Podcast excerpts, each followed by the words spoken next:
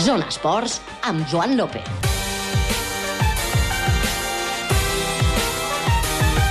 Hola, molt bona nit. Passen 10 minutets de les 8. Comencem una nova edició del Zona Esports a Ràdio Nacional d'Andorra.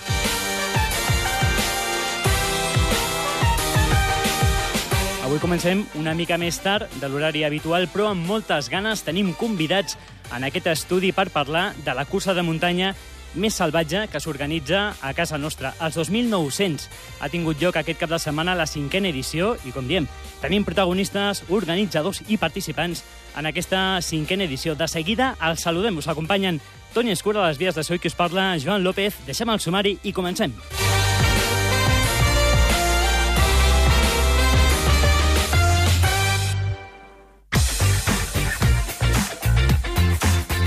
Zona Actualitat. Doncs avui Zona Esports especial dedicat a la muntanya, dedicat a la cursa als 2.900. Una cursa que té moltes coses, podríem omplir diferents programes per parlar de tot el que envolta aquesta cursa, que tothom defineix com més que una cursa. Anem a presentar els nostres convidats i comencem per l'organització. Tenim el meu, a la meva dreta, en aquest cas, a Carla Rossell, un Hola, dels organitzadors tarda. de la prova. Bona tarda. Bona tarda. I al teu costat, l'altre ànima mater de- d'aquesta prova, que és el Mat Lefort. Mat, bona tarda. Bona tarda.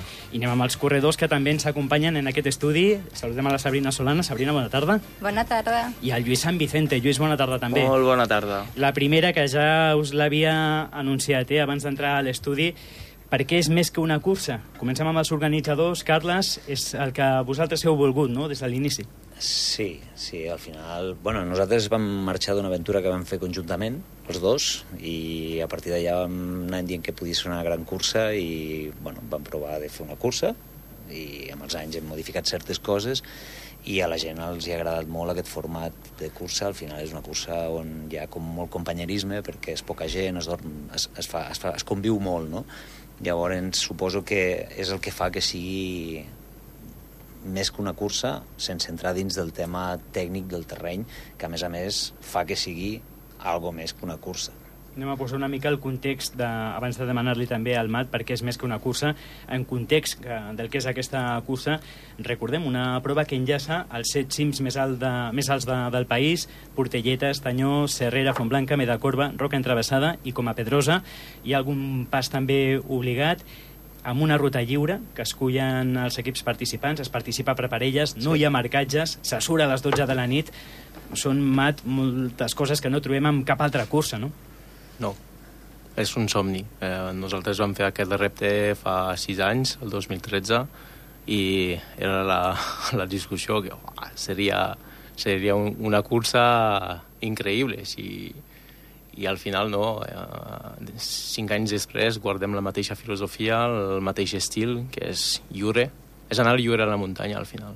Per mi és el somni, el, per mi el més important és que eh, oferim a la gent d'anar lliure a la muntanya amb un dorsal. I per mi és el més, és el més xulo. Quin tipus de corredor buscàveu quan, quan vau crear aquesta prova? Recordem que en aquesta edició, cinquena edició de, dels 2.900, hem tingut corredors de 15 països, 23 sí. parelles van sortir, 19 van acabar. Quin, quin és el perfil que, que heu buscat? Aventurer. És que al final eh, al podi són gent de... Els guanyadors són del, del fair running a Anglaterra. Són especialistes del fair running de d'aventures, de, reptes de 24 hores, com el Bob Cram, el Charlie Ramsey, el Paddy Buckley. Els segons són el, el David Dietrich, d'Austria, és un, el tercer del campionat del món de, d'Espartan, de 24 hores. És un tio, és, un, és, és una, molt famós a Austria, a, red, atleta Red Bull i tot això. Pues. I els tercers són més d'alpinista, d'esquiador. I després tenim corredors, tenim, te, tenim de, de Rogaine, tenim una mica de tot. És que al final no, és, no busquem un perfil de corredor pur, sinó aventurer amb experiència a la muntanya, és el més important. Sobretot, sí. sí. Abans de, de donar veu als participants, que tenim moltes ganes d'escoltar la Sabrina i el Lluís, però, Carles, deixa'm demanar-te també una de les claus o un dels factors també característics d'aquesta prova és que heu volgut limitar la participació a un màxim de 50 corredors. La seguretat aquí és molt important, recordem, se surt a les 12 a la mitjanit, eh, i s'ha limitat, tot i així s'ha fet molt coneguda internacionalment, no? Com dèiem, 15 països representants, una prova molt, molt coneguda fora de- d'Andorra. Sí, i bastant buscada, vist les preinscripcions que tenim, però i que ens costa decidir al final qui, qui agafem i qui no agafem. És, és una mica una loteria, no? Fins ara hem tingut uns anys que hem escollit gent molt bona, em penso que aquest any hem escollit gent més que bona, perquè en una hora ha sigut una cursa molt ràpida, llavors això significa que la gent que ha vingut estava molt preparada i molts havien vingut abans a reconèixer el terreny. Llavors, clar, 50 persones, sí, eh, el terreny és el que tenim, és tècnic, és complicat, a més a més obliguem obliguem entre cometes sense obligar, perquè hi ha desvios, però amb penalitzacions, eh, certes zones complicades, llavors com menys gent hi hagi, evidentment, més fàcil és tindre un control de la seguretat tot i que és una prova molt complicada, però no hem de, de lamentar mm, en No, aquestes cinc però- edicions cap, cap problema seriós. No, Eh? bueno, un tor torçada de turmell, això sí, però vull dir, toquem fusta de que no passi més res, evidentment. Vaig a l'altra banda de, de la taula on tenim a la Sabrina i el, i el Lluís. Sabrina Solana, que t'estrenaves en aquesta edició, formant equip amb el Gerard Berrolla, vau fer una gran actuació. Setents a la classificació absoluta, primers a la classificació mixta, el vostre temps 17 hores 50 minuts. No sé què és el que et va fer participar en aquesta prova, era la primera vegada per tu, i quina experiència n'has tret? Doncs realment, per mi participar als 2.900 era un somni. Eh, fa uns mesos o uns anys mai hauria pensat que seria capaç de fer-ho, per justament el concepte, la complexitat de la cursa i tot, i després, de mica en mica, m'ho he proposat com un repte més. He conegut també a una persona, perquè és important portar-se bé amb la persona amb qui es cor, i, i he vist que podria ser possible i llavors ens hem, hem presentat la, la candidatura i ha pogut ser. Vas escriure, hi ha hagut molts comentaris molt bonics, eh? si, si trobem eh, al Facebook de, dels 2.900 molts comentaris de participants i entre les coses que, que has escrit, Sabrina, em cridava l'atenció, eh? gràcies per fer-me somiar desperta. Exacte, Mm, va ser realment això, perquè és una cursa completament diferent. Eh, el 90% de la cursa es recorre per terreny molt tècnic i a mi realment és, és el que em motiva més cada vegada i, i en cap moment m'he plantejat què estava fent, perquè és que hi ha moments, hi ha alts i baixos, però, però anava amb el somriure tota l'estona perquè realment estava visquent un somni. Molt diferent del que fas habitualment, no? Recordem que aquest any venies de fer la TDS de, de Montblanc, on vas fer també una gran actuació, la mítica que vas guanyar també eh, i la Ultra dels Bastions. Per tant, poc a veure no? amb les curses que has fet aquest any. Sí, perquè són curses que, que has d'anar seguint les cintes i, i l'únic que, que et toca fer és córrer el més ràpid possible. En canvi, als 2.900 t'has de buscar la vida, has de buscar el recorregut que realment eh, mm, pel, per la parella és més mm, més estratègic, per, a, per desgastar-se menys, per anar més ràpid, però alhora és una cursa que, mm, com deien, no vas a fer asfalt o no vas a fer camins. Intentes passar per, per llocs més salvatges, per tarteres, per... Mai havia recorregut tants quilòmetres per, per terreny tan tècnic i és el que realment atreu i la dificultat a mi personalment em fa superar-me cada vegada més i és el que, el que motiva. És... Uh -huh. Tu debutaves, Sabrina, i el Lluís San Vicente repetia, tot i que la vas guanyar fa dos anys, Lluís, amb el Domi Trastoi.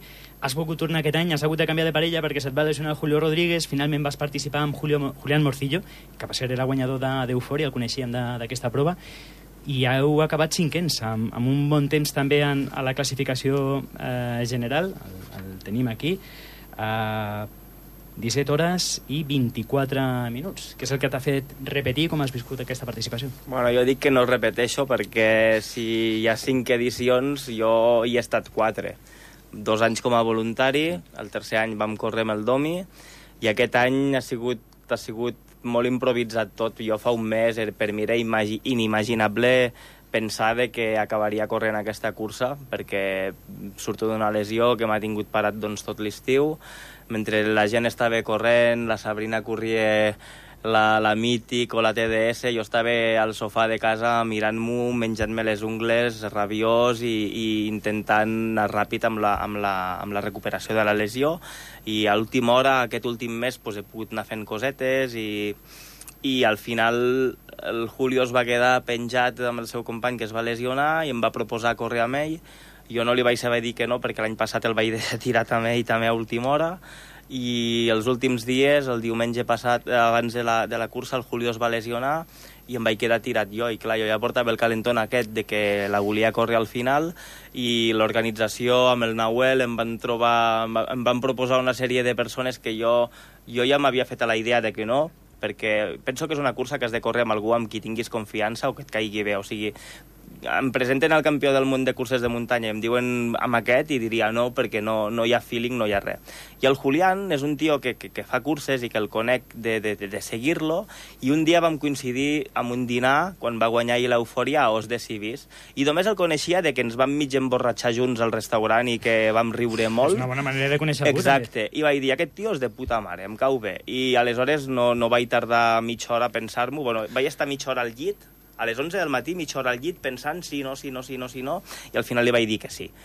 I hem corregut, el Julián venia de fer la TDS fa un mes, no estava recuperat, no estava al 100% de les seves possibilitats i, i es va notar des del quilòmetre 1, però m'ha demostrat que és una persona molt, molt dura psicològicament, que el seu bagatge, la seva experiència està més que demostrada i amb aquesta cursa ha acabat com, com un campió navegant contracorrent i amb un tio molt... molt... Jo realment sóc mala persona quan competeixo, em transformo i, i, i al final em va dir, mira, tio, al final eres menos gruñón de lo que me pensava, perquè el tio ja venia de, preparat de que, de que es ja menjaria. Sí, sí. Però, bueno, al final hem acabat, eh, vam disfrutar molt durant el recorregut, ell va veure que, que jo lo del GPS no sé manipular gens i em va dir, tio, sabes navegar muy bien, però jo no sé descarregar-me un track amb un GPS, no ho sé. I anàvem a darrere de gent de Nova Zelanda que veia que, que es coneixien els camins millor que jo, i dic, hòstia, això dels GPS ho haurien de prohibir. per què? Perquè els d'Andorra estem perdent plumes amb això, saps? De... Però bueno, és una cursa molt entretinguda, que jo me l'estimo des de la primera edició, que hi he intentat participar sempre des del costat del voluntari fins al costat del, del corredor, que he tingut la gran sort de córrer amb, amb el meu millor amic, que és el Domi, en aquest cas de córrer amb una persona que m'aprecio molt com ha sigut el Julián, i que espero que continuï llarga vida la 2900 i que el que no vulgui entendre aquesta cursa com a la cursa és que potser amb el món de les curses de muntanya no hi ha enter res val? que vagin a l'Ultra Pirineu o, o així, saps? Que, és una prova bueno, diferent de tot, eh? Sí, sí, sí. Els participants sempre de curses de muntanya sempre parlem eh, de la preparació física, però de la preparació mental, que és tan o més important que la física, i en aquest cas hem de parlar d'estratègia, no? Perquè Sí. teniu llibertat per enllaçar els cims. Com es prepara una cursa així i quan la fas per primera vegada, Sabrina? Sí, doncs és anar fent reconeixements de camins, per molt que et coneguis el país, el que deia el Lluís, ens coneixem els, els camins, però és que ens hem trobat de nit tenint el trek que, que amb la precipitació, amb la confusió, ens hem, ens hem ficat per llocs que no tocaven. Després et toca reconduir una mica i, i és que tota la cursa és una aventura. Sí. Llavors, la preparació és això, intentar reconèixer un màxim, comparar els temps que vas fent d'un punt a l'altre per intentar trobar el que surt més a compte i, i desitjar que tot surti bé el dia de la cursa. I l'experiència no és mm, tampoc el valor més important, Lluís, perquè ho dèiem, fa dos anys vau guanyar amb el, amb el Domi, aquesta vegada cinquens, molt bona classificació, però tampoc et dona, no? El, No, però fa dos anys va ser molt divertit, perquè jo dic que va ser com la guerra del Vietnam, i va ser que els americans van vindre a, a Vietnam, i nosaltres, jo i el Domi, érem els vietnamites, i, i vam jugar doncs, amb la lluna plena, vam apagar els frontals perquè no ens perseguissin, ens amagàvem, els liàvem, perquè hi havia un, un, un corredor alemà de l'equip Salomón que anava a les fosques, o sigui, ens anava perseguint, i jo vaig sortir del, del recorregut 200 metres, i, i al cap de 200 metres em vaig parar i li vaig dir Philip, you are very lost, and you know it, saps? Perquè el tio ens anava seguint, saps? I dic, tio, estàs més perdut que un fill de puta el dia del pare, com diuen, no? I, i a Canillo ens vam am- amagar 20 minuts fins que al final van decidir marxar i ens van deixar fer el nostre recorregut. El Domi en aquell moment tampoc estava en les seves millors condicions, perquè és un tio que treballa 14 hores al dia i... No li cal, no li cal. Ja... I, i, sí, però bueno, saps? I li va faltar aquell, aquella mica de xispa, però, però, però bueno, l'estratègia al final va funcionar i vam poder guanyar. No va ser una cursa ràpida com, fa, com l'any passat, que van córrer amb 12 hores, que això és volar, però bueno, dir que has guanyat la 2.900 encara que no hagi sigut amb els millors corredors del món o... Això queda, és, és, això queda. Allò queda, allò a mi em queda, Deixa'm saps? demanar, abans de, de comentar amb el, amb el Carles i, i, i amb el Mat, que vull també demanar una miqueta el que hi ha fora de la cursa, quin és el cim més difícil? Hem parlat dels set cims més alts de, del país. Quin ha estat el més difícil i quin és el que més us ha agradat, Sabrina? El que més heu gaudit? Per mi el més difícil ha sigut el Font Blanca, perquè ens van passar per una canal que ja l'havíem fet, l'havíem reconegut, però aquesta canal l'havíem fet de baixada i un dia que igual portàvem 3 hores d'entrenament. Després de ja haver passat 40 i algo quilòmetres, la canal passa factura. I allà pensava que em moria. I el, I el Gerard també es pensava que estava a punt d'abandonar. Després ja ha arribat a dalt de la canal més refet i, i he continuat bé. El que més m'ha agradat no t'ho sabré dir, perquè tots m'agraden i, i tots tenen lo seu. El primer, la Tossa Plana, ha sigut molt especial perquè és el primer, perquè arribes, ja com també a l'inici de, la, de la cursa tothom està molt junts i, i allà ens començàvem a, a separar tots. És un tram que és llàstima no fer el de dia, perquè aquella, sí. aquella serra de dia és maquíssima. És, vas, vas vorejant la frontera i tens la part andorrana super escarpada, són unes canals molt tieses, i de l'altra banda és com un, és un, un camp d'herba i és molt maca aquella mm. zona. I de clar, de nit no ho acabes de, de disfrutar, però bueno, Ara m'acaba de donar la resposta perquè m'acaba de fer venir una imatge que tinc en ment que és la, la, quan s'aixeca el dia i estàvem a la cresta de l'estanyó sí. i això no té preu. Ah, era un taronja roig amb violeta, Uah. supermaco, és preciós, sí, sí, és un moment maco. Lluís, la més dura i la, més, i la que més has gaudit en aquesta edició? Um, jo per mi, el, i el Julián, si estigués aquí, diria el mateix. Em va dir, joder, este pico, no? El pic de l'Angonella, que no toque, però ens vam liar. Hem fet vuit. vuit. Sí, sí. I, I clar, quan has de destrepar una mica i no ens ho esperàvem, i em va dir, jo creo que con esto ya lo podemos hacer todo. I dic, bueno, bueno, espérate, espérate.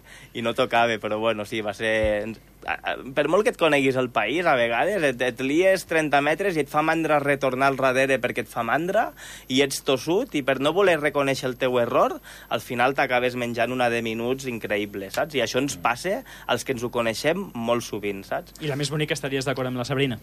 Bueno, el moment més maco potser sí quan, quan es lleva el dia amb el dia que vam tindre, però l'arribada és molt maca, quan arribes amb el teu company que ja tens la feina feta, o quan arribes a Coma Pedrosa, que ja es tira avall i ja està, és, hòstia, ho hem aconseguit, saps? Això és no el més no maco. comparació. Després tenim el tram, els trams neutralitzats, són macos, o sigui, el romanticisme aquest que a un competidor d'èlit potser no li agradarà perquè ho troba potser molt contraproduent a nivell físic perquè has de cascar-te 1.400 metres de desnivell hores abans o que no pots dormir al refugi de la Pera perquè, perquè estem tots allà, però li dona un toque de, de, de companyonia i de, i de, de germanor que, que, que és, és, és el que li dona la diferència respecte a les altres curses, saps?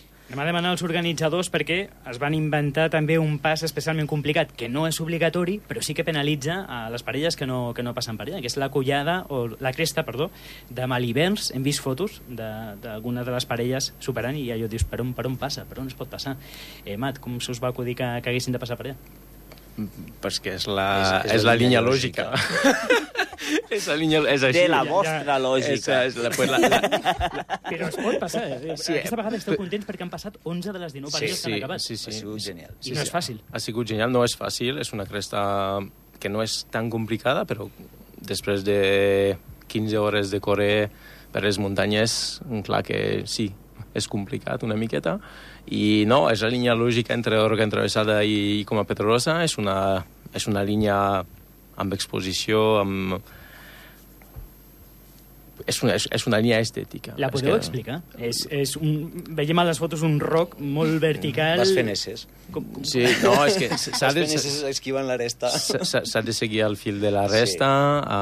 Um, són 300, 300 metres de, de, de línia de, que s'ha de seguir hi ha un, sí, un, un camí lògic, jo diria, i,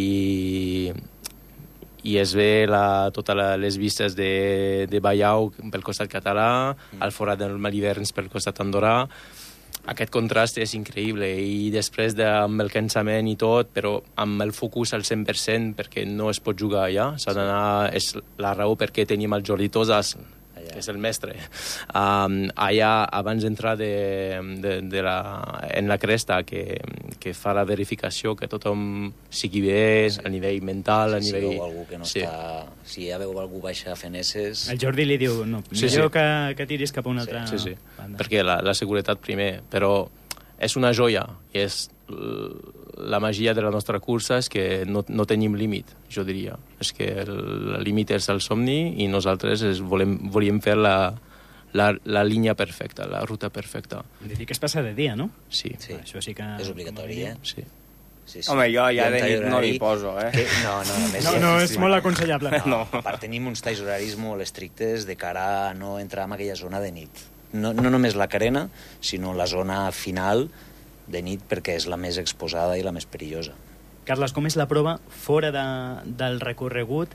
Hi ha moltes coses. El Lluís ara comentava, no? l'aproximació que es fa conjunta de totes les parelles fins al refugi de, de la Pera, la no? que és Pera. on es pren la, la sortida. Hi ha també una celebració no? conjunta que feu al refugi del Coma Pedrosa Sí. a punt d'arribada. Com, com és una miqueta l'ambient fora de, de la competició? De la Home, l'ambient- és genial, vull dir... Clar, primer arriben a una sala, fan un check-in, es troben tots allà una mica moguts, mm. I, bueno, pugen junts cap a la pera, vull dir, es coneixen, vull dir, i a partir d'allà ja, ja, ja neixen amistats, vull dir, i és lo, lo guapo, no? I quan acaben, pues, al final es troben allà tots destruïts, i acaben esperant a l'últim, aquest any hem pogut esperar l'últim per sopar, i hem sortit tots a celebrar que els últims arribaven, saps? Ha I celebració al arribar- refugi, no? Sí, bueno, sí, hi ha un bon àpat que ens ha fet amb molt bon cor la Margaret i, i allà pues, tots celebrem que tots han arribat bé i que tot ha anat bé, sobretot, saps? Ens queda molt poquet, mm, dos minuts. Uh, quin és el futur de la prova, Carles? Perquè no està ara mateix garantit que hi hagi una sisena edició. Bueno, estem a l'espera de veure què passarà amb el refugi del Coma Pedrosa a l'arribada, que ja se li acaba la concessió a la Margaret, i amb raó d'això decidirem el que fem i el que no fem, i també tancar temes de patrocini, volem tancar temes de patrocini fixes, a- fixes a varis anys per poder-ho tirar endavant. Pensem que és el més obvi. Us queden ganes, Mat, de, de continuar endavant si se solucionen aquests temes amb el refugi, que es pugui quadrar la propera edició i si aconseguiu prou patrocini per, tirar endavant aquesta aventura més anys? Sí, les ganes no, no és un problema per, per nosaltres. És més un tema que si donem, donem tot. Donem tot. No és una cursa per guanyar pasta, evidentment. Uh, tenim una filosofia, paguem la gent al dia de la cursa, paguem la cas. És una filosofia que és, pot ser única, és la nostra, però nosaltres no guanyem ni un duro. I al final és que és complicat, però no, no ho fem per, per la pasta, però no volem perdre i vam tindre anys que sí que vam perdre pasta i perquè és una cursa amb una, tota una logística que per, per, per 50-60 corredors eh, és complicat. Sí que podríem guanyar pasta amb 200 o 300 amb la mateixa organització, però el tema és que no, no podem fer-ho i no volem fer-ho per tema d'aquest companyonisme, per tema de seguretat i perquè volem, volem guardar aquesta filosofia de, de seleccionar només els millors. I, I per fer una cursa sí que no mirem el que va al menys bé, però si, sinó que, que tothom, tothom pot seguir endavant amb la, amb, la, amb la cursa i no fer un recorregut B o C si hi ha una mica de pluja, una mica de neu, com la majoria de les curses. Nosaltres, mm, pluja o, o neu, es fa fa. igual. Es fa L'únic són els llamps, Sí. que ens anul·laria la, la cursa. La seguretat que s'ha de garantir sí. per sobre de tot. Ens, queda, ens han quedat moltes preguntes per, per fer, però amb tot el que heu explicat, el que volem desitjar és que això ho tiri endavant, que hi hagin moltes més edicions de, dels 2.900, tant de bo que, que es pugui assegurar, perquè és una prova que realment fa molta enveja. Eh? La manera com la viviu organitzadors i participants, us agraïm moltíssim que, que ens hagueu acompanyat en aquesta, en aquesta edició del Zona Esports especial dedicada als 2.900. Uh, Mat Lefort, Carla Rossell, organitzadors, Moltes enhorabona gràcies. per Moltes aquestes gràcies. cinc edicions i llarga vida als 2.900 Moltes gràcies. gràcies. i als dos participants que també hem tingut l'honor que, que ens acompanyeu, Sabrina Solana i Lluís Sant Vicente, moltíssimes gràcies també i, i esperem que, no sé, suposo que voldreu repetir, no?, si teniu l'oportunitat en, en una altra edició. Sí, moltes gràcies. En 20 minuts no es pot explicar el que es viu en una cursa així, però bueno, ho hem resumit com hem pogut i ja està. Un petit tast. doncs moltíssimes gràcies a tots. Molt bé, Gràcies. merci a vosaltres.